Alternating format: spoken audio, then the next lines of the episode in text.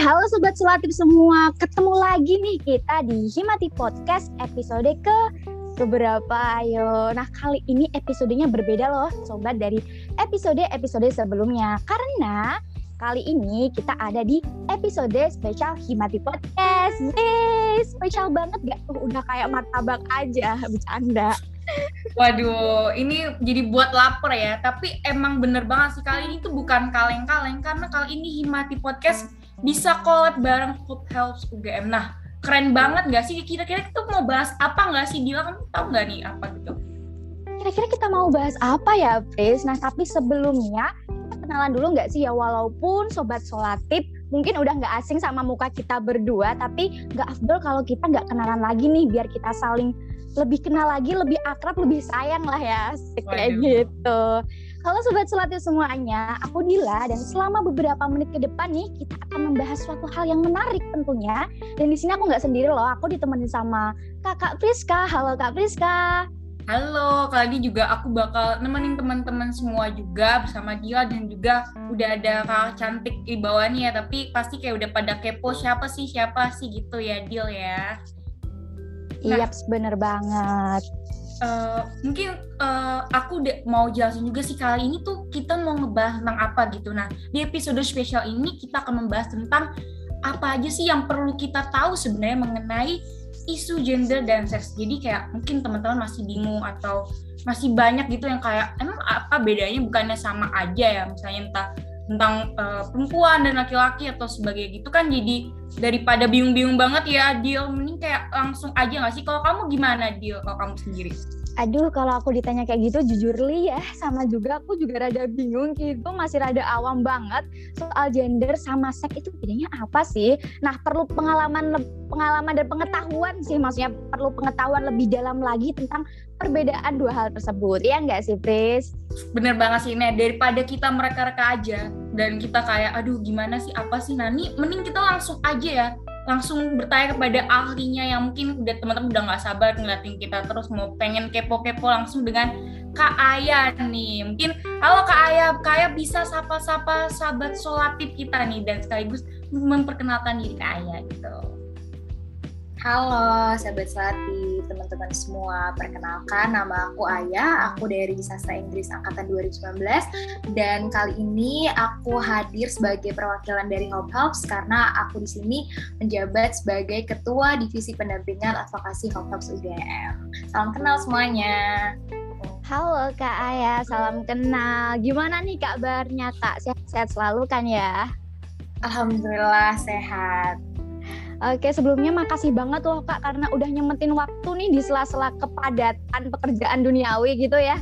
Nah, di sini kita mau tanya-tanya nih, kepo-kepoin lah ya Kak mungkin tentang uh, tentang gender dan uh, seks tadi biar kita nggak salah kaprah gitu soal kedua hal tersebut. Iya nggak, Pris?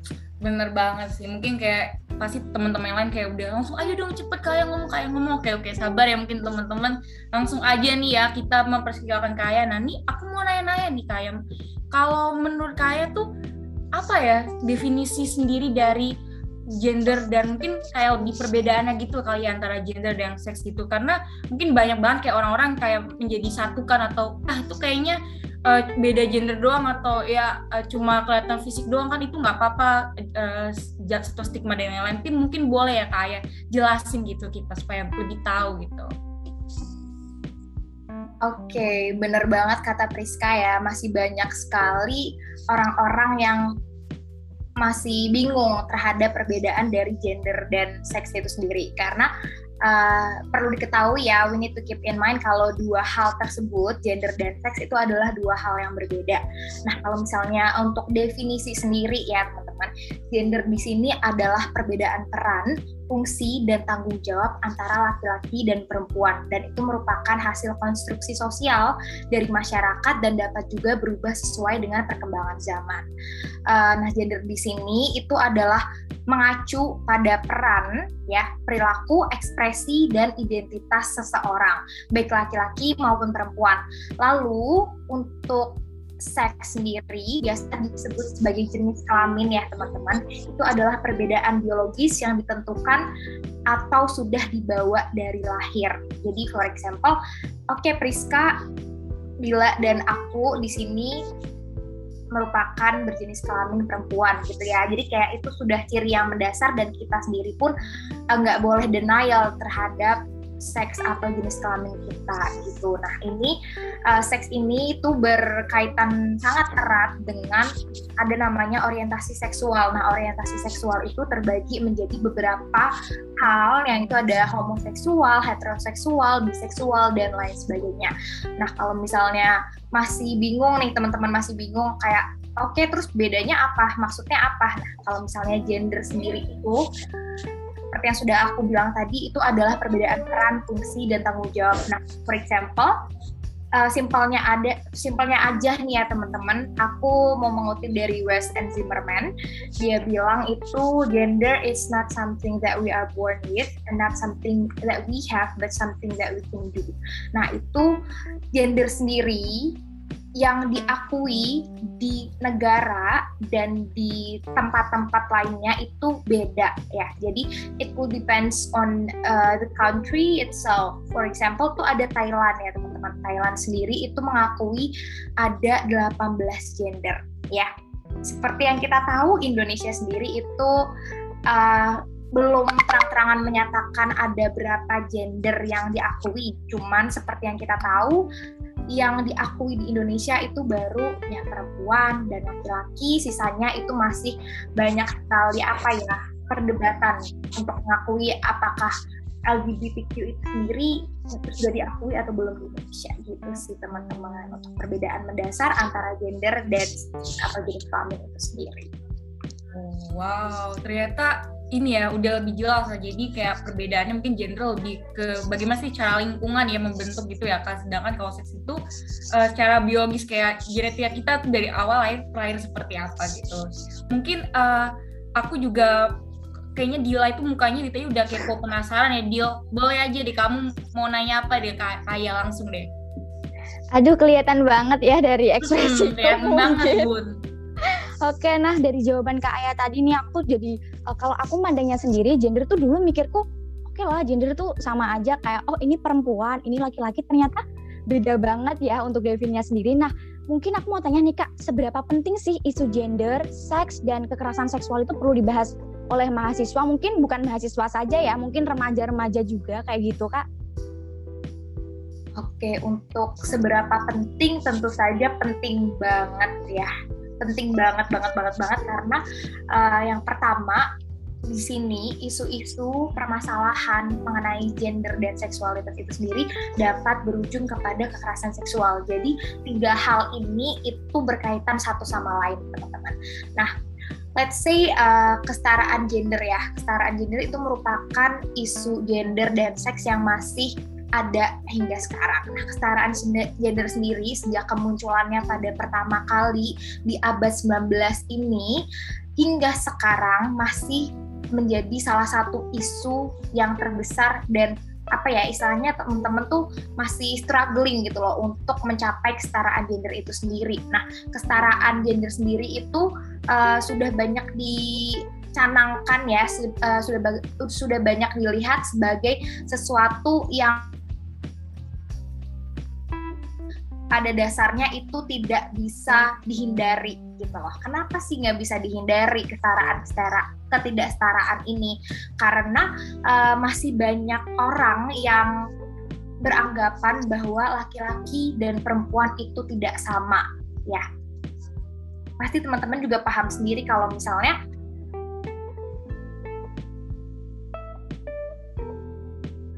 tinggi derajatnya daripada perempuan. Nah, itu juga merupakan salah satu faktor terbesar dalam hambatan isu gender dan seks untuk akhirnya bisa sorry teman-teman untuk akhirnya bisa uh, apa ya istilahnya tuh teman-teman di sini tuh masih ba masih banyak banget yang struggling mengenai isu-isu kesetaraan gender ini sendiri gitu. Jadi kalau misalnya uh, apa ya kalau misalnya if we're going to keep this up itu we obviously could lead to many issues karena masih banyak sekali pemberian label atau labeling dan stereotyping terhadap either pria atau wanita itu sendiri. Jadi karena wanita sendiri juga di apa ya namanya di lingkungan kita tuh masih dilihat sebagai objek gitu ya teman-teman ya. Nah itu mereka juga selain dilihat sebagai objek, mereka juga tidak dilihat lebih tinggi daripada pria. Terus untuk mengenai isu-isu seks sendiri masih juga marak terjadi di mana stereotyping masih dalam pembahasan stereotyping ya teman-teman.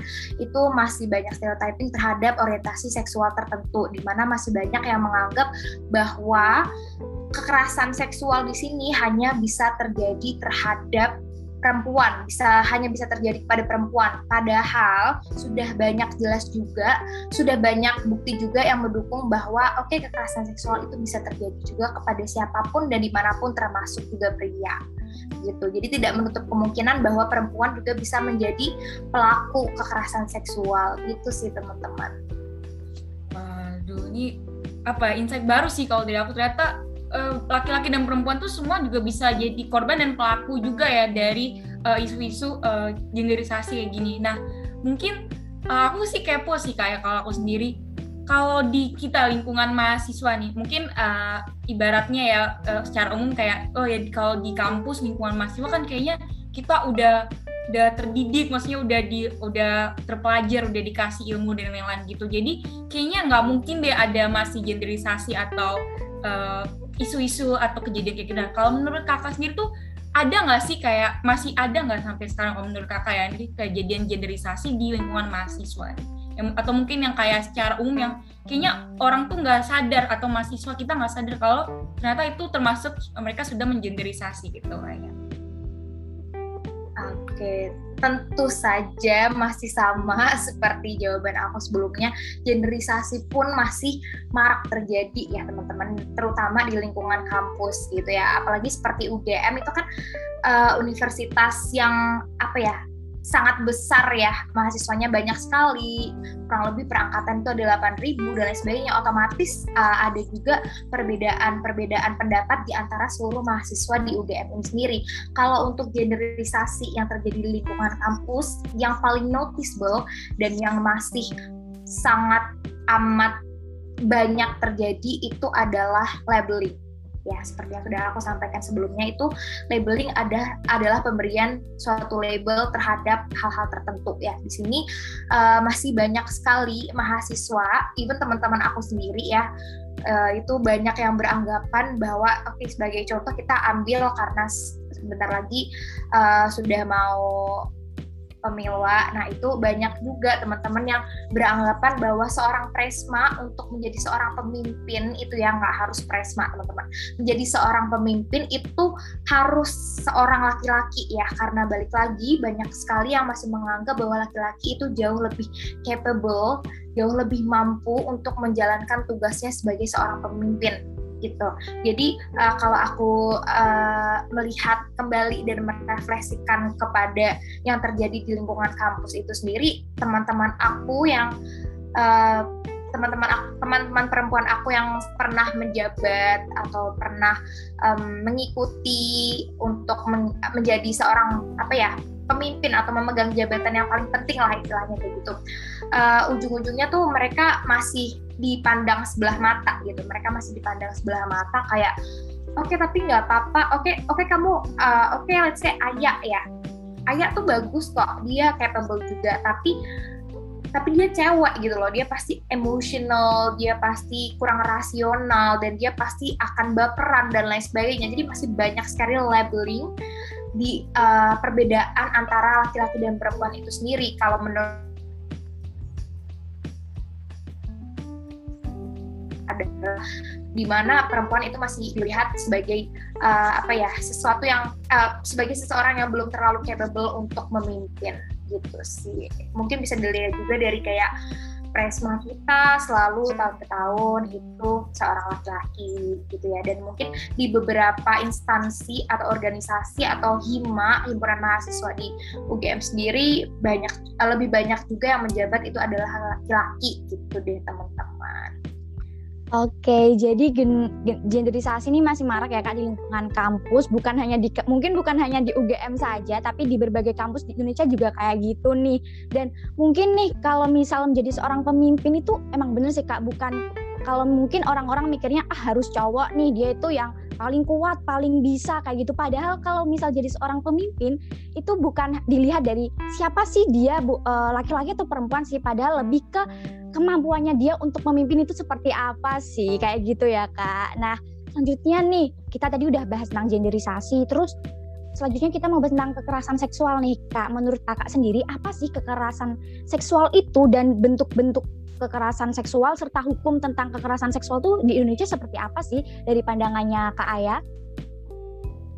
Oke, untuk kekerasan seksual sendiri, aku di sini balik lagi aku mengutip ya teman-teman karena kalau untuk menurut pandangan aku sendiri, aku ya aku merasa masih belum cukup um, cukup apa ya? Aku merasa masih belum cukup mengerti sejauh itu untuk membicarakan mengenai hukum-hukum dan uh, bentuk-bentuk kekerasan seksual gitu ya. Kalau definisi kekerasan seksual menurut RUU kekerasan RUU PKS sendiri adalah setiap perbuatan yang merendahkan, menghina, menyerang dan atau perbuatan lainnya terhadap terhadap tubuh hasrat seksual seseorang dan atau fungsi reproduksi secara paksa bertentangan dan bertentangan dengan kehendak seseorang nih teman-teman. Jadi itu juga menyebabkan seseorang itu tidak mampu memberikan persetujuan dalam keadaan bebas karena adanya ketimpangan kuasa atau relasi kuasa dan atau relasi gender nih teman-teman. Nah itu juga berakibat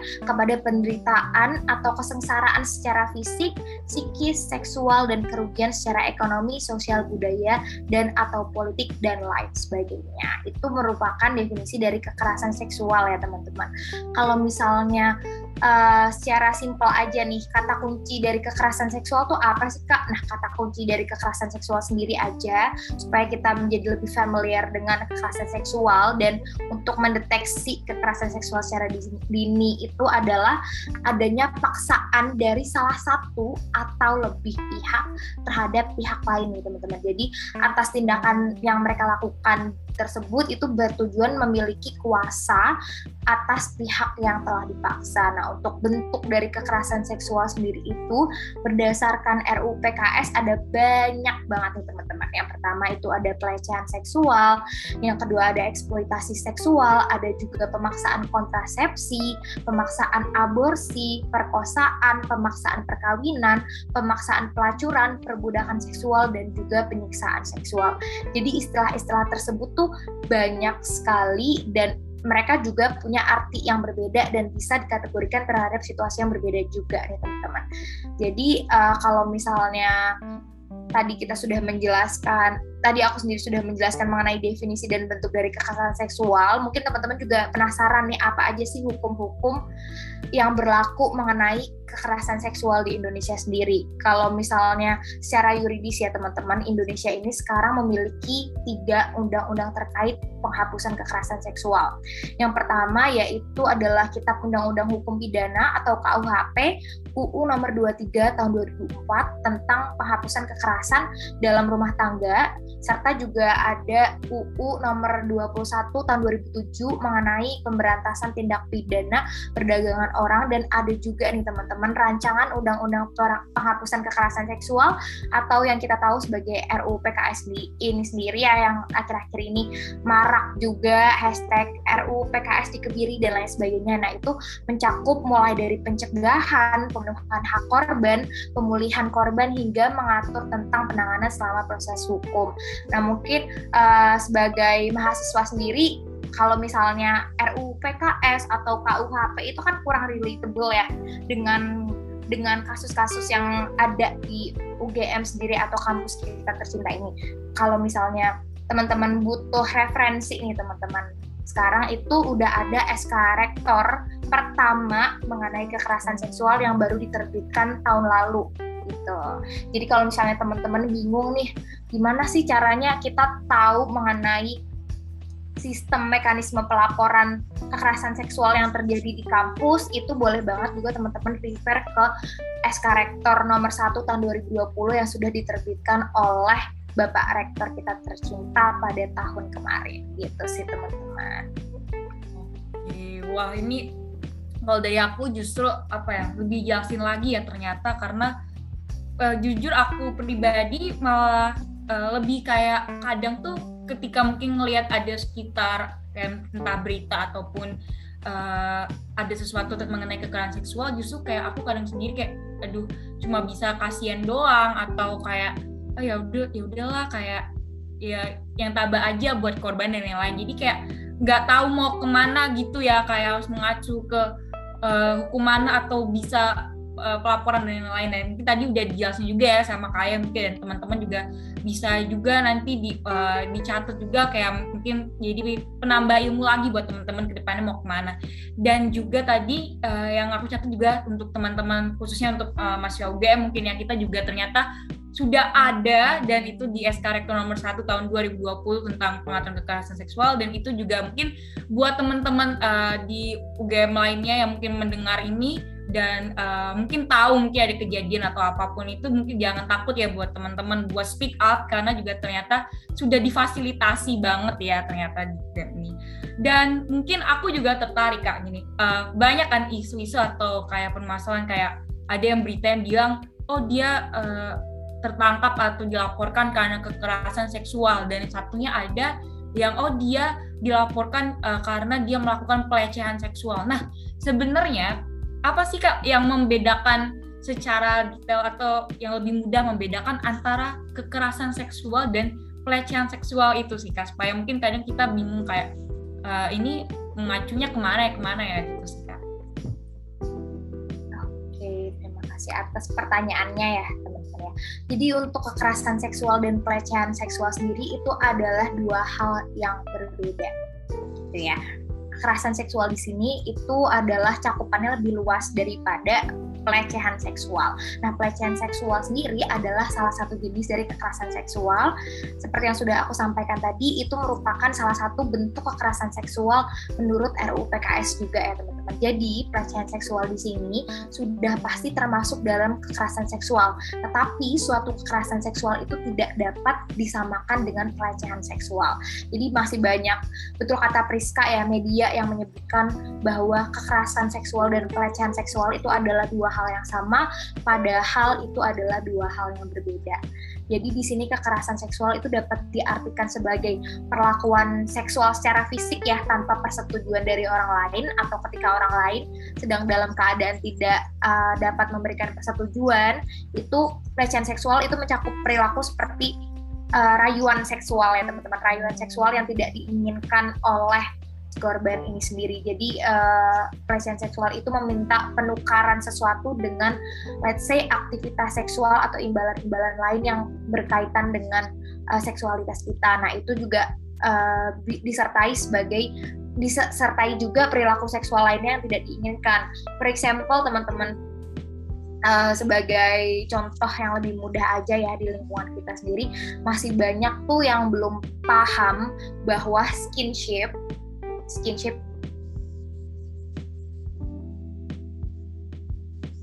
Tidak diberikan dengan konsen kita. Kan kadang kita merasa kayak ya udah sih cuman pegangan tangan. Oke okay, ya udah sih cuma dipeluk-peluk doang. Padahal itu juga merupakan uh, awal awal dari pelecehan seksual gitu ya teman-teman. Jika tidak diberikan sesuai izin atau konsen kita, itu sudah bisa dikategorikan termasuk pelecehan seksual yang mana nantinya juga akan bisa berkembang menjadi kekerasan seksual gitu sih teman-teman. Oke, nih dari penjelasannya Kak Ayah tadi aku nangkep dikit nih kalau misal kita skinship kalau tanpa persetujuan itu juga bisa disebut dengan kekerasan seksual ya Kak, seperti itu ya. Nah kalau betul banget.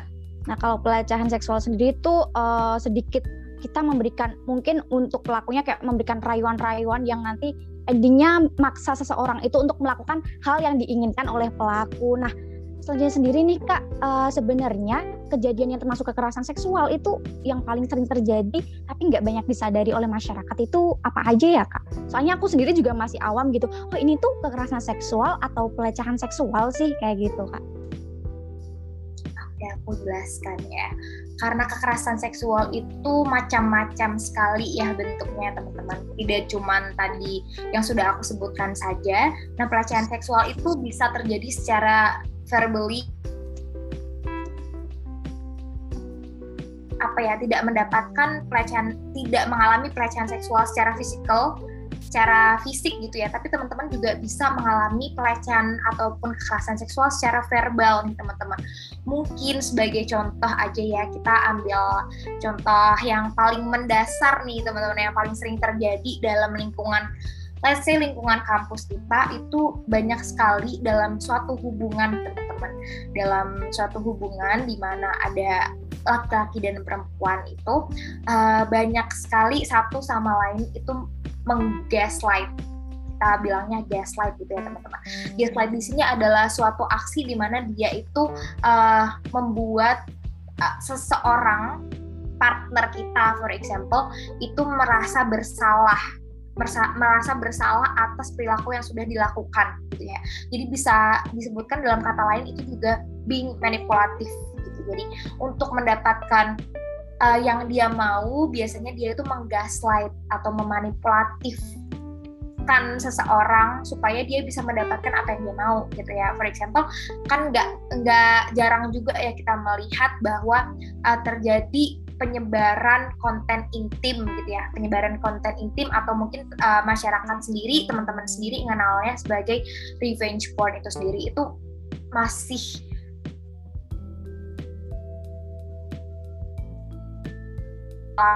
mengenai kasus tersebut gitu. Jadi kalau misalnya uh, tadi Dila tanya kayak kekerasan seksual yang paling sering terjadi namun tidak disadari oleh masyarakat adalah pertama bentuknya adalah red flags ya teman-teman gitu ya. Pertama bentuknya ada red flags di mana mungkin it doesn't have to be in a relationship tapi dalam pertemanan juga dalam lingkungan pertemanan di antara eh, laki-laki uh, dan perempuan dan vice versa itu bisa terjadi adalah namanya pelecehan seksual yang seperti yang sudah aku sampaikan itu sendiri.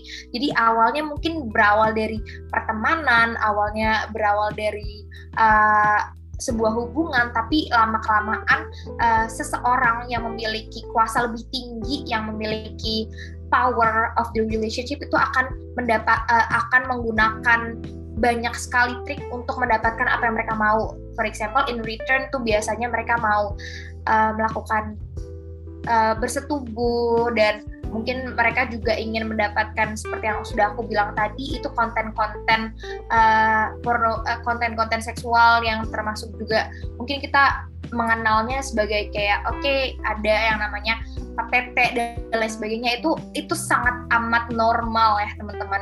Aku tidak mau menormalisasikan hal tersebut tapi uh, mereka itu sering banget uh, apa ya menipu gitu ya, menipu partnernya untuk mendapatkan konten tersebut dan akhirnya saat mereka sudah putus itu disebarkan. Nah di sini aku uh, melihat itu kasus yang marak terjadi ya khususnya uh, kita sebagai remaja yang sekarang sedang melalui proses pendewasaan itu kita masih sering banget um, apa ya masih sering banget jatuh ke honey trap ya itu ya teman-teman aku bisa bilang honey trap atau jebakan-jebakan manis orang-orang di sekitar kita gitu sih. Oke, waduh, ini uh, kali ini emang relate banget ya sama kayak aku kayak emang sih remaja-remaja kita yang anak-anak labil, ababil gitu ya, begel labil gitu kayak uh, mudah banget gitu ya terkadang buat rayuan-rayuan maut gitu ya uh, kayak atau enggak semisalnya juga ada mungkin aku juga bisa menyamakan kayak di pertemanan kita atau mungkin pertemanan yang bisa terbilang mungkin cepet tahu mungkin pertemanan teman-teman itu toksik dan lain-lain kayak uh, mulai play victim dengan embel-embel kan ya udah nggak apa-apa sih kita kan sahabatan masa kayak gitu aja nggak boleh kayak gitu. nah itu mungkin udah jadi aware ya buat buat kita semua kayak waduh ini mulai ada apa nih kayak gitu. Nah, itu mungkin teman-teman juga sudah mulai coba cek-cek lagi gitu di lingkungan teman-teman atau hal apa sih yang mungkin ngebuat teman-teman kurang nyaman dengan ada embel-embel uh, hubungan-hubungan lain dan seperti itu mungkin bisa banget ya buat di cross check lagi. Dan di sini aku juga uh, menariknya tadi juga salah satunya adalah uh, revenge porn itu juga sekarang kan juga banyak juga tersebar di sosial media dan yang lain. Nah, beranjak ke sosial media nih ya Kak Ayah Nah, kira-kira kalau untuk di sosial media sosial media sendiri apakah bisa banget terjadi pelecehan dan kekerasan seksual mungkin selain yang tadi uh, penyebaran konten-konten uh, pornografi dan lain-lain ya mungkin ada nggak sih yang di sosial media yang bener-bener kayak orang-orang mungkin pikir iya nggak apa-apa lah ini uh, freedom of speech gitu ya udah kita kayak gini aja nanti menurut kaya tuh gimana sih itu? Oke, benar banget ya. Tentu saja dengan seiringnya kemajuan teknologi dan internet, semakin maju juga pemikiran para pelaku atau orang-orang yang memiliki tendensi untuk menjadi pelaku itu mereka juga uh, apa ya aku mikirnya mereka juga semakin berkembang gitu loh pemikirannya untuk melakukan kekerasan seksual tapi tidak secara langsung juga tapi secara apa ya secara daring gitu ya teman-teman ya mungkin secara online. Nah itu pun apa ya jadi kondisi daring seperti ini pun tidak membatasi mereka gitu loh untuk melakukan kekerasan seksual. Nah secara secara langsung aja ya aku bilang kalau misalnya pelecehan seksual yang terjadi di sosial media itu adalah KBGO teman-teman KBGO atau kekerasan berbasis gender online. Nah berdasarkan yang berdasarkan data yang sudah diunggah oleh Komnas Perempuan dalam catatan tahunan atau catahu tahun 2020 kemarin ada peningkatan drastis nih teman-teman selama tiga tahun terakhir. Bahkan tahun 2019 sendiri terjadi peningkatan sebanyak 300 persen jadi di tahun 2019 ini kasus KBGO sendiri melonjak hingga berjumlah 281 kasus. Itu pun yang hanya dilaporkan, yang hanya diketahui, ya teman-teman. Jadi uh, mungkin kita bisa melihat dari titik baliknya adalah 2019 itu tahun pertama kita mulai semuanya uh, berta uh, 2019 itu 2019 akhir ya teman-teman. Itu sudah apa ya? tahap awal untuk kita switch menjadi dari luring ke daring gitu ya karena kita uh, berada di tengah-tengah pandemi ya teman-teman ya. Jadi dari tahun 2019, 2020 dan 2021 itu mengalami peningkatan yang sangat amat signifikan terhadap kasus KBGO itu sendiri. Nah teman-teman, KBGO sendiri ini banyak sekali bentuknya. Nggak cuman uh, oke okay, aku di apa ya dilecehkan verbal di Instagram komen aku kemarin itu nggak berhenti cuma sampai situ aja teman-teman. Banyak sekali juga bentuk-bentuk teman-teman tahui antara lain seperti yang sudah aku sampaikan tadi ada yang namanya penyebaran foto atau konten intim non seksual ya tanpa izin orang tersebut. Ada juga itu namanya pemerasan atau extortion atau sextortion. Ada juga online stalking dan ada juga honey trap ini teman-teman honey trap, ada juga cyber grooming, doxing, outing, trolling dan lain sebagainya. Mungkin uh, aku jelaskan sedikit ya mengenai uh, namanya cyber grooming. Ini teman-teman tuh mungkin eh, nggak uh, asing sendiri ya kalau misalnya ngelihat anak SM SMP lah atau enggak anak SMA yang belum cukup umur itu pacaran sama uh, kakak kelasnya mereka atau alumni alumni mereka yang di mana tuh perbedaan umurnya tuh sangat jauh gitu ya. Nah kalau misalnya mereka belum uh, belum memiliki umur yang cukup belum legal gitu lah istilahnya belum di atas 17 tahun atau belum punya KTP lah ya istilahnya mereka belum di atas 17 tahun dan mereka itu sudah berada in a relationship uh, dengan seseorang yang umurnya itu jauh di atas mereka itu termasuk juga namanya grooming teman-teman. Dan itu sudah bisa termasuk sebagai uh, kekerasan seksual. Dan mungkin kalau misalnya di Amerika sendiri itu sudah termasuk dalam pelanggaran hukum teman-teman. Karena uh, mereka um, dating a minority minority itu masih minoritas ini di sini karena mereka masih berada di bawah 17 tahun atau 16 tahun di mana mereka masih belum belum dianggap belum bisa untuk uh, apa mengambil keputusannya sendiri termasuk dalam hal-hal um, berbau seksual yang berada yang sering terjadi di uh, relationship itu tersendiri. Jadi kalau misalnya cyber grooming ya udah berarti itu terjadi di online gitu ya. Istilahnya online dating, virtual dating kan kita tahu sendiri kalau misalnya orang-orang sering banget tuh aku virtual dating dari orang yang aku kenal dari uh, let's say Bumble atau Tinder gitu-gitu ya. Ternyata dia umurnya kayak jauh banget udah mirip sama umur bapaknya gitu kan. Itu itu udah termasuk cyber grooming teman-teman. Itu termasuk KBGO dan bisa dikategorikan sebagai kekerasan seksual juga. Jadi kita perlu banget tahu apa ya uh, seperti yang sudah aku bilang tadi red flags. Jadi kayak tanda-tanda awal untuk oh ini tuh akhirnya tuh bisa membawa aku terhadap kepada nanti kekerasan seksual gitu loh. Jadi oke okay, oke okay, aku harus berhenti di sini. Kita harus tahu, kita harus recognize dari awal those red flags. Kita harus kita nggak boleh denial ya kalau misalnya kita sedang di grooming, kita sedang mengalami pelecehan seksual dan itu nanti akan menjadi akan semakin memburuk ke depannya kalau misalnya kita nggak berhenti, me, apa tidak ngestop diri kita sendiri gitu sih uh, rada ngeri-ngeri gimana gitu ya iya, Iya bener. Emang relate ya Dil ya dengan ini. Kayak konten-konten sekarang yang berseliweran di mungkin TikTok kali ya di IG-IG yang kayak oh my couple goals atau apa-apa yang tapi udah mm, mm, mm, nah itu yes. bener banget. Mungkin kalau misalnya aku boleh sharing sedikit ya kalau misalnya aku sendiri kan uh, Instagram aku kan di private ya teman-teman. Tapi hmm. pada suatu saat aku pernah waktu itu nggak nggak aku private nih Instagram aku nggak aku private terus kayak I decided to upload some pictures gitu kan. Nah mungkin di foto itu ya udah foto biasa gitu kan. Kayak aku uh, seperti wanita pada umumnya aku kayak foto nopang dagu gitu ya teman-teman. Nah di comment section tersebut tuh ada uh, di ada uh, cutting aku, ada cutting aku sebut saja si X ya. Si X ini seorang perempuan teman-teman. Dia perempuan. Dan di sini dia itu komen dan dia itu apa ya?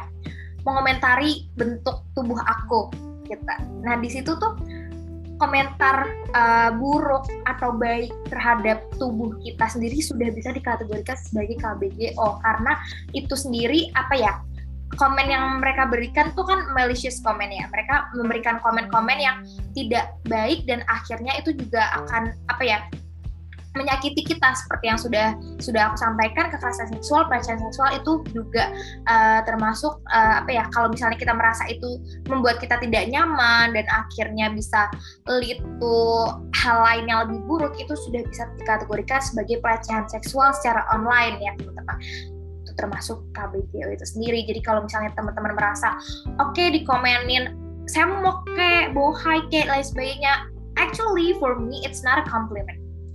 Itu bukan sebuah komplimen dan tidak bisa dianggap sebagai sesuatu pujian. Tidak bisa dianggap sebagai suatu pujian karena di situ sendiri dia berarti, berarti dia uh, apa ya istilahnya uh, sexualize seseorang berdasarkan foto yang mereka tampilkan di sosial media gitu. Jadi kayak itu salah banget. Jadi kalau misalnya teman-teman sendiri uh, merasa pernah melakukan hal itu sebelumnya, mungkin bisa karena sekarang udah tahu bisa dihentikan dan bisa uh, bisa komen dengan hal-hal yang positif lainnya gitu kayak mungkin komen mengenai achievement atau mungkin kalau misalnya uh, secara simpel aja kayak komen emoji aja itu cukup kok gitu sih.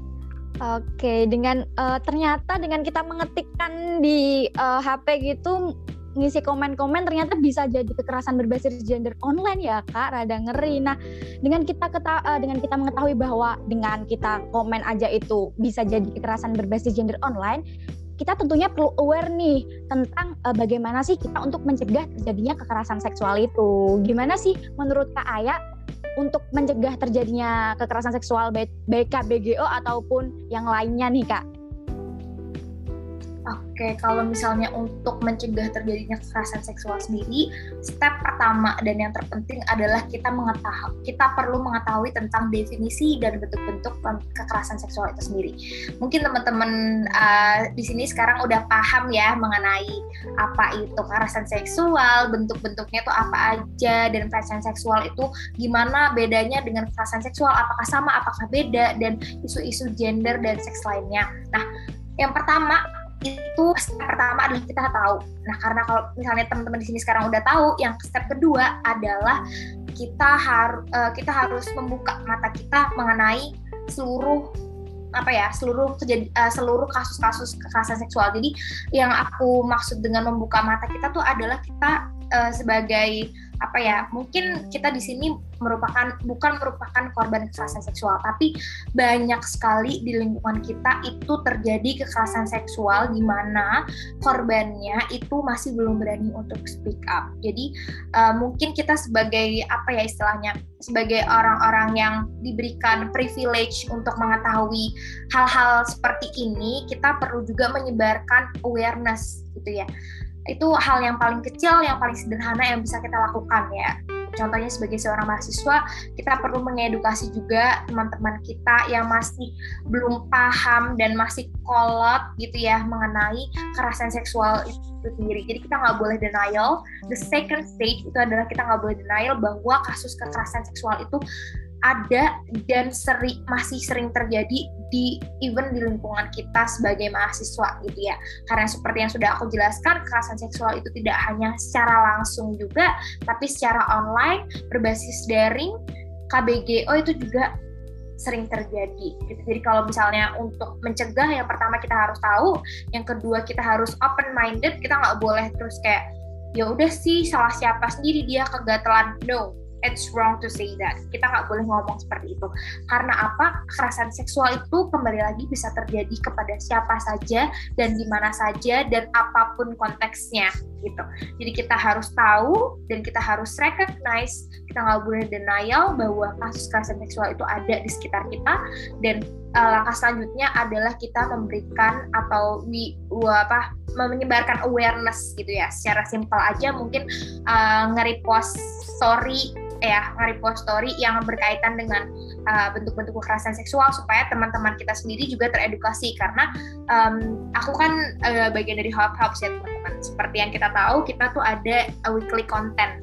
Weekly content sendiri itu kan ada konten-konten mengenai uh, kekerasan seksual yang terjadi yang sering terjadi di kampus dan lain sebagainya. Nah itu uh, kadang saat aku merepost konten tersebut, story tersebut tuh teman-teman aku sendiri ya di luar univ uh, univ UGM ini sendiri banyak yang reply kayak oh my god kontennya helpful banget aku pengen repost tapi aku bukan anak UGM boleh nggak ya kayak gitu kan nah itu di satu sisi sendiri oh ternyata uh, menyebarkan uh, sebuah story infografis mengenai kekerasan seksual sendiri itu aja sudah sangat amat helpful gitu loh untuk seseorang. Karena balik lagi nggak nggak semua orang itu mem, uh, mempunyai privilege untuk mendapatkan uh, pengetahuan-pengetahuan mengenai kekerasan seksual dan nggak semua orang juga memiliki keinginan untuk mengakses apa itu kekerasan seksual gitu loh. Jadi kalau misalnya kita udah tahu, kita bantu menyebarkan secara simpel aja kita memberikan awareness kepada mereka yang sekiranya masih belum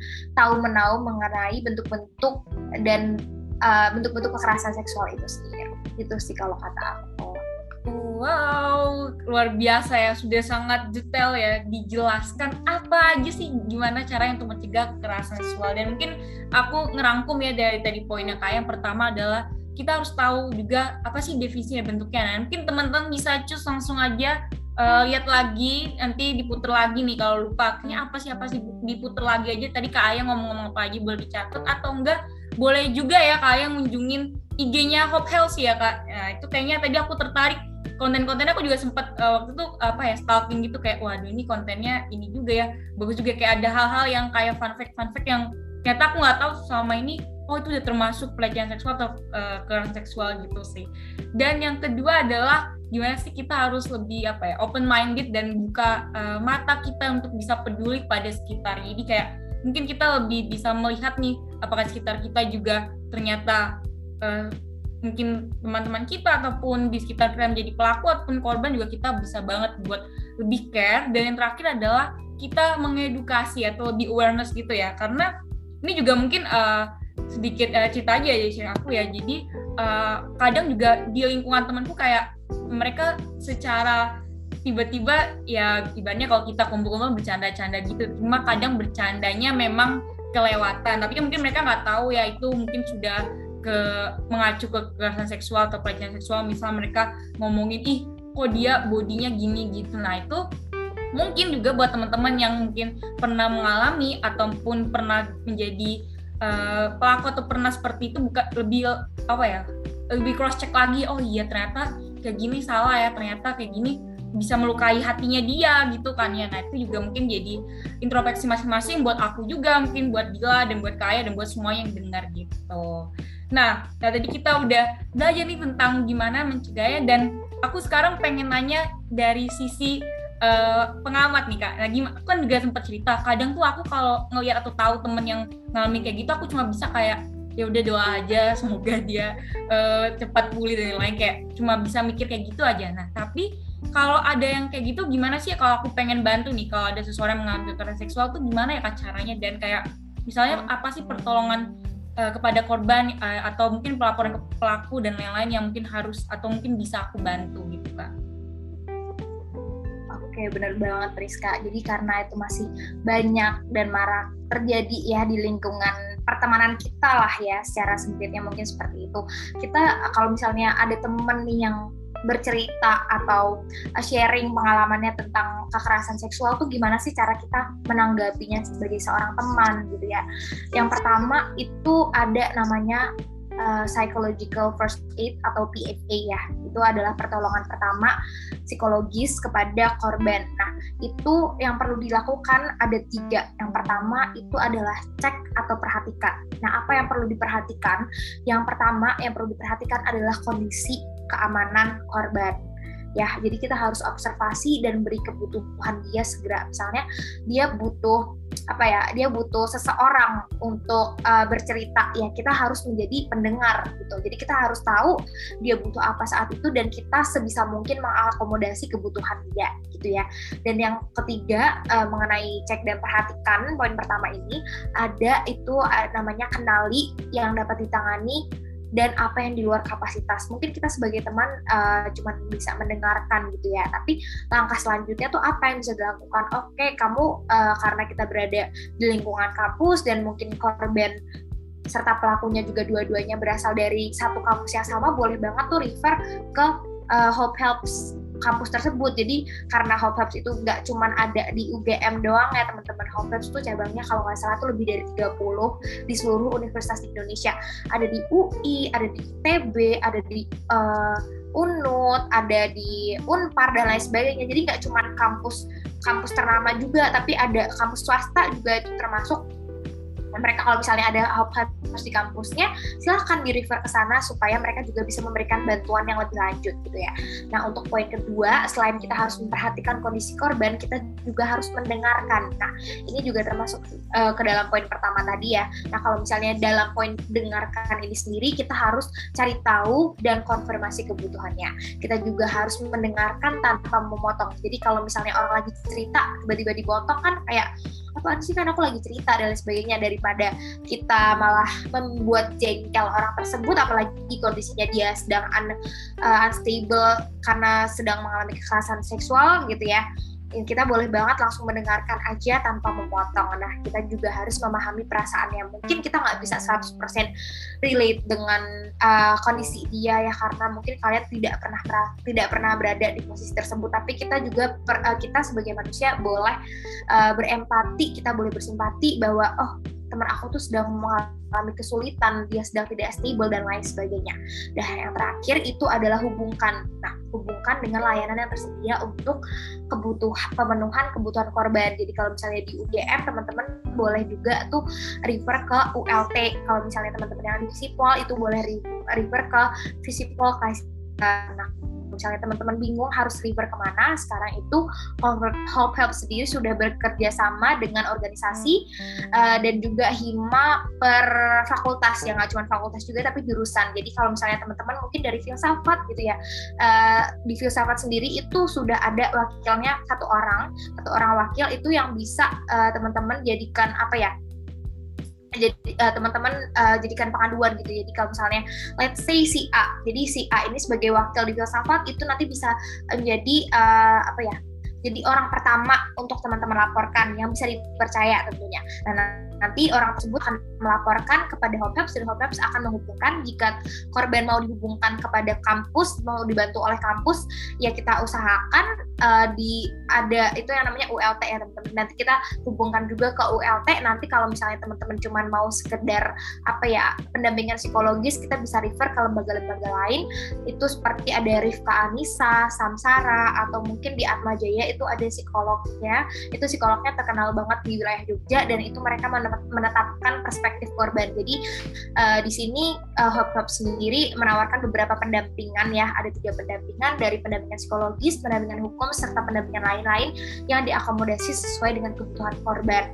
Kalau teman-teman sendiri masih bingung kayak oh oke okay, kalau misalnya kayak gitu tapi sebagai temen nih sebagai seorang yang lebih dekat nih apa sih yang kira-kira perlu kita uh, canangkan lagi yang perlu kita perhatikan lagi gitulah kalau misalnya ada seseorang di sekitar kita yang mengalami kekerasan seksual. Nah yang harus diperhatikan itu ada beberapa poin juga ya teman-teman selain yang sudah aku sampaikan tadi. Yang pertama itu juga kita harus memberikan kepercayaan dan dukungan penuh. Kita nggak boleh terus apa ya kita harus memvalidasi bahwa feelings mereka dan apa yang mereka rasakan itu valid gitu loh. Kita nggak boleh terus yang kayak ya ampun cuman kayak gitu doang. Bisa kali yang lain juga lebih parah daripada kamu. No it's a wrong way untuk comforting seseorang. Jadi kita harus memberikan kepercayaan dan dukungan penuh. Kita harus memvalidasi feelings korban tersebut. Kita harus menyemangati mereka untuk mencari bantuan. Kita kalau bisa mencari bantuan juga karena nggak sedikit juga ya teman-teman. Uh, kasus-kasus di uh, eh, UGM ini tuh yang melaporkan tuh malah temennya. Karena mungkin korban sendiri itu merasa uh, tidak stable tidak in, not in a stable condition untuk akhirnya melapor dan menceritakan seluruh kronologis ceritanya. Jadi yang melaporkan adalah teman terdekatnya. Kayak uh, I'm so sorry untuk mengganggu tapi teman aku sedang uh, mengalami kekerasan seksual dan lain sebagainya, lain sebagainya. Gitu. Jadi kayak bahkan teman sendiri kita sendiri pun bisa menjadi seseorang yang helpful gitu loh. Jadi kita harus mengutamakan kepentingan terbaik bagi korban. Kalau misalnya pada saat itu korban adalah teman kita kita harus mengusahakan semaksimal mungkin kita harus hargai keputusannya kita harus bantu menyimpan barang bukti jika ada.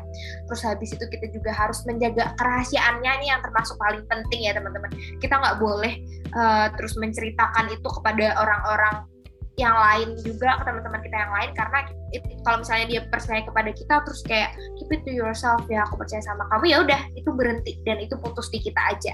Karena intervensi ketika korban uh, karena, karena karena intervensi tersebut itu bisa uh, mengakibatkan kepada apa ya korban melakukan self blaming jadi di mana dia merasa tidak berdaya dan uh, bisa berakhir di mana dia itu mengakhiri hidupnya sendiri atau bisa kita sebut sebagai suicidal attempt. Jadi kalau misalnya udah seperti itu, kita harus validasi feelingsnya, kita harus mengatakan bahwa ini nggak baik-baik aja, tapi you'll get through this, kalian bisa melewati ini, dan kita juga harus membantu mereka untuk menjaga seluruh kerahasiaannya dan cerita-cerita yang sudah disampaikan. Gitu teman-teman. Wow, ini apa ya mungkin dari aku sendiri dan mungkin dari dilihat juga dari muka Dila kita berdua juga speeches juga kayak waduh ternyata banyak banget yang kita selama ini nggak tahu ya. Sekarang kayak tahu banget dan mungkin secara pribadi nih ya aku sendiri ya kak itu juga jadi tahu ternyata ada hal ternyata yang bisa aku lakuin gitu loh. Uh, untuk uh, gimana sih ketika ada temanku atau mungkin di lingkunganku yang mengalami uh, pelecehan atau seksual dan mungkin uh, dari tadi yang sudah dijelaskan ada tiga kan ya uh, ada apa psikologi first aid yang pertama yaitu adalah cek kita juga bisa uh, mengecek uh, gimana sih kondisinya dia atau kita mungkin lebih kayak perhatiin dulu kayak ya perlahan mendekati dia kayak apa ya mungkin yang bisa aku bantu atau apa. Cobalah menjadi kayak teman ceritanya dulu ya curhatin supaya uh, teman kita ini nyaman kita buat cerita apa pun itu. Nah, kedua adalah uh, hubungkan. Nah, itu uh, juga tadi udah dijabarkan banyak banget ternyata di kampus maupun mungkin di luar sana juga yang sudah memfasilitasi. Kalau contohnya di kampus itu ada Hope Helps yang ternyata bukan di UGM aja tapi mungkin teman-teman yang lain juga yang di UGM dengar mungkin di kampus-kampus juga bisa dicek dan mungkin di lembaga-lembaga lain juga yang terakhir adalah kepercayaan nah mungkin ini sih yang paling aku garis bawahi ketika mungkin teman-teman nanti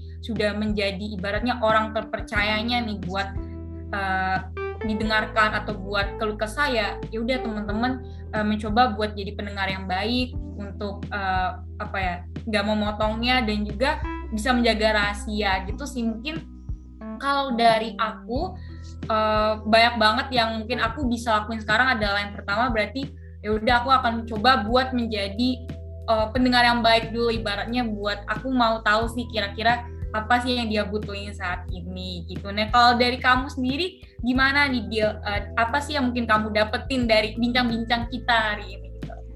Oke kalau aku sendiri jujur aku mau cerita sedikit ya. Uh, hmm, boleh, aku boleh aku dulu banget tuh adalah temen yang cerita gitu tentang apa yang dia alami yang mungkin kekerasan seksual lah ya seperti itu.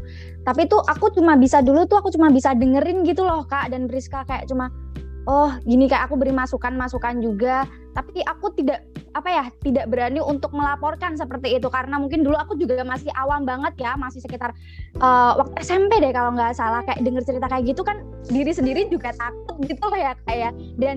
Dan uh, gak ada aku belum tahu nih platform atau media apa sih yang bisa aku tanya-tanyain bisa aku laporin mengenai uh, kekerasan seksual yang dialami temanku kayak gitu. Dan uh, di sini aku jadi lebih tahu nih lebih, lebih aware lah ya.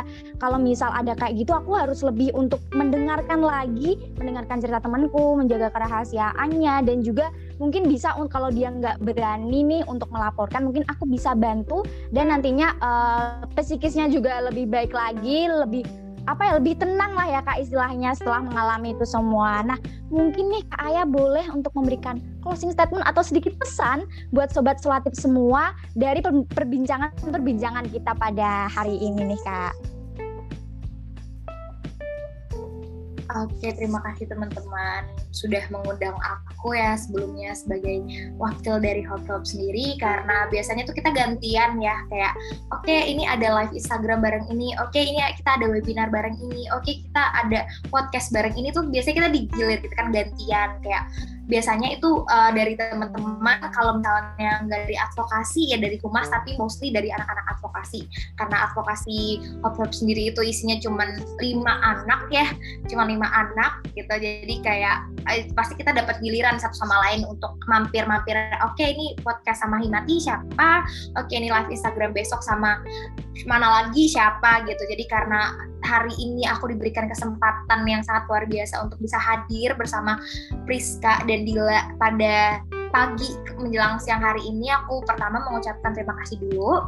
Yang kedua aku mau berpesan bahwa teman-teman uh, karena kita sekarang juga sudah sedikit lebih teredukasi mengenai kekerasan seksual dan bentuk-bentuknya, kita harus lebih aware ya seperti yang sudah aku sampaikan lagi tadi aku pengen teman-teman tuh di sini lebih aware tentang kekerasan seksual tentang pelecehan seksual tentang KBGU itu sendiri karena masih kekerasan seksual ini masih sering terjadi dan kita juga tidak apa ya tidak menutup kemungkinan bahwa kita juga bisa menjadi pelakunya di sini. Uh, I'm not saying kita apa ya kita aku nggak percaya gitu sama teman-teman. Tapi kadang hal-hal yang kita lakukan itu kan berada di luar kontrol kita ya luar batas kita. Jadi kadang kita pun juga bisa menjadi pelakunya gitu. Dan apa yang kita katakan pun juga bisa apa ya bisa menjadi tidak nyaman gitu loh untuk orang lain. Jadi maka dari itu kita harus uh, lebih aware mengenai kekerasan seksual itu sendiri di lingkungan sekitar kita sendiri. Dan kita harus menjadi uh, seseorang yang uh, aku bisa bilang tuh kita harus bisa menjadi seseorang yang lebih open mind minded terhadap kasus-kasus tersebut ya. Kita nggak boleh diskriminatif kita nggak boleh denial dan kita harus senantiasa juga menjadi seseorang yang menyebarkan dan uh, menyebarkan hal-hal baik, hal-hal positif di lingkungan kita sendiri supaya kita juga bisa menjadi seseorang yang uh, memberikan atau menciptakan ruang yang lebih nyaman lagi uh, kepada teman-teman yang sudah sebelumnya pernah mengalami kekerasan seksual atau kita menciptakan uh, apa ya istilahnya kita menciptakan lingkungan yang lebih aman lagi untuk kita tempati ke depannya gitu sih teman-teman. Oke, jadi kita uh, yang aku garis bawahi sih yang aku paling uh, mengena kita harus open minded nih ya terhadap apa pun yang terjadi kayak gitu lebih aware lah ya. Nah, sebenarnya makasih banget loh Kak Aya uh, udah mau direpotin, udah mau kita kepo-kepo ini mengenai isu gender dan stek. Nah, dari dari penjelasan Kak Aya tadi aku lebih kayak sadar, oh ternyata kalau misal ada kayak gini, aku harus ngelakuin kayak gini nih. Oh, ternyata dengan hal kecil pun dengan kita mendengarkan cerita itu sudah merupakan langkah kita untuk membantu para korban kekerasan seksual. Kayak gitu. Ya nggak Pris? bener banget sih. Ya tuh juga banyak banget yang aku tahu ternyata ternyata hal-hal yang kecil yang selama ini kayak, orang-orang bilang eh itu biasa lah. Kayak oh cuma kayak gitu doang gak usah baper. Eh itu bukan baper tapi itu juga sudah termasuk pelecehan seksual ternyata ya. Gitu. Jadi kayak uh, dinotis banget ya teman-teman. Dan wah emang udah gak kerasa banget ya deal kayak emang seru banget sih topik ini karena banyak banget ya yang kita belum tahu. Tapi uh, mohon maaf banget ya teman-teman sholat di rumah ataupun teman-teman lain mendengarkan juga buat Kak Ayah dan lainnya kita harus mengakhiri ya berpisah ya deal ya. Aduh karena sudah mungkin sudah waktu juga ya. Waduh dia juga sedih. Nggak apa santai. Setelah ini oh ya mungkin Kak Ayah mau itu promosi IG-nya Hope Health mungkin boleh? Atau mungkin ada layanannya gitu mungkin boleh banget nih Kak Oke, terima kasih atas kesempatan promosinya. Tahu aja kalau misalnya ujung-ujungnya kita harus promosi organisasi sendiri ya teman-teman. Kalau misalnya teman-teman sendiri apa ya mau konsultasi ya doesn't have to be laporan ya yang diberikan kepada Hofeps nggak sedikit juga yang uh, cuman konsultasi perihal temannya yang sedang mengalami kekerasan seksual gitu ya atau mereka sedang bimbang apakah ini bentuk kekerasan seksual dan apa yang perlu mereka lakukan dan lain sebagainya itu boleh banget reach out ke kami Hope Helps UGM itu ada di Instagram yang pertama at hopehelps.ugm kalau misalnya emailnya ada advokasi.hopehelps.ugm at gmail.com dan yang terakhir uh, ada hotline. Kita punya hotline itu di WA uh, eh, di nomor yang aduh aku perlu nyebutin nomornya nggak ya ini? Oh uh, boleh sih kak. Cuma nanti uh, kalau teman-teman nanti kepo nanti juga bakal kalau teman-teman nanya nanti kita bakal jawab ya kita bakal kasih juga gitu. Oke okay, ada. Kita ada hotline di kosong 821 406 598 10. Jadi teman-teman kalau misalnya ntar masih bingung kayak aduh aku bingung banget nih temanku sedang mengalami kekerasan seksual gitu. Dan she's in unstable condition dan lain sebagainya boleh banget kalian sebagai teman juga setelah mendengarkan itu meminta bantuan atas izin dia juga ya meminta bantuan ke Hoteps UGM nanti Hoteps UGM di sini bisa nge-refer ke kampus ya teman-teman. Jadi kita bisa memberikan pendampingan yang uh, sesuai dibutuhkan oleh korban sesuai kemauan korban dan semua atas izin korban juga jadi kita uh, apa ya kita di sini uh, bertindak sesuai dengan kemauan korban dan kepentingan korban. Kalau misalnya teman-teman mau dibantu refer ke kampus, ya oke okay, kita bantu refer ke kampus karena dosen-dosen UGM pun uh, sudah tergabung di ULT kampus juga. Kalau misalnya teman-teman oke okay, cuma butuh bantuan psikologis, ya biasanya kita refer ke Rifka Anissa Women Crisis Center di Jogja yang terkenal gitu sih. Jadi oh ya, uh, yang perlu ditanamkan juga ya teman-teman kalau misalnya teman-teman berada di luar Jogja pun teman-teman tetap bisa melapor gitu ya dan misalnya pun korbannya itu bukan uh, berasal dari sivitas akademika UGM itu pun juga tetap bisa melapor as long as teman-teman ini uh, bagian dari Universitas Gajah Mada gitu ya. Kalau misalnya nggak anak UGM pun kita juga tetap biasanya bantu kok gitu. Karena kalau misalnya dari kampus sebelah gitu kan nggak ada helps di kampusnya kita bantu gitu. Meskipun sebenarnya nggak ada sangkut pautnya juga sama kita dan itu merupakan bukan tugas kita tapi sebisa mungkin kita uh, sebagai pengada layanan kekerasan seksual kita bantu sebisa mungkin semaksimal mungkin gitu sih kalau dari aku.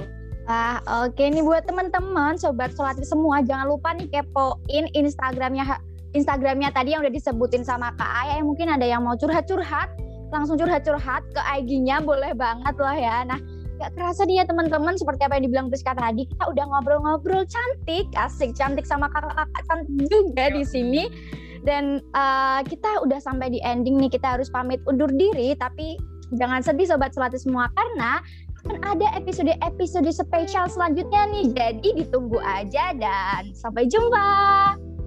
Oke, sampai jumpa. Bye-bye. Dadah. Terima kasih semuanya.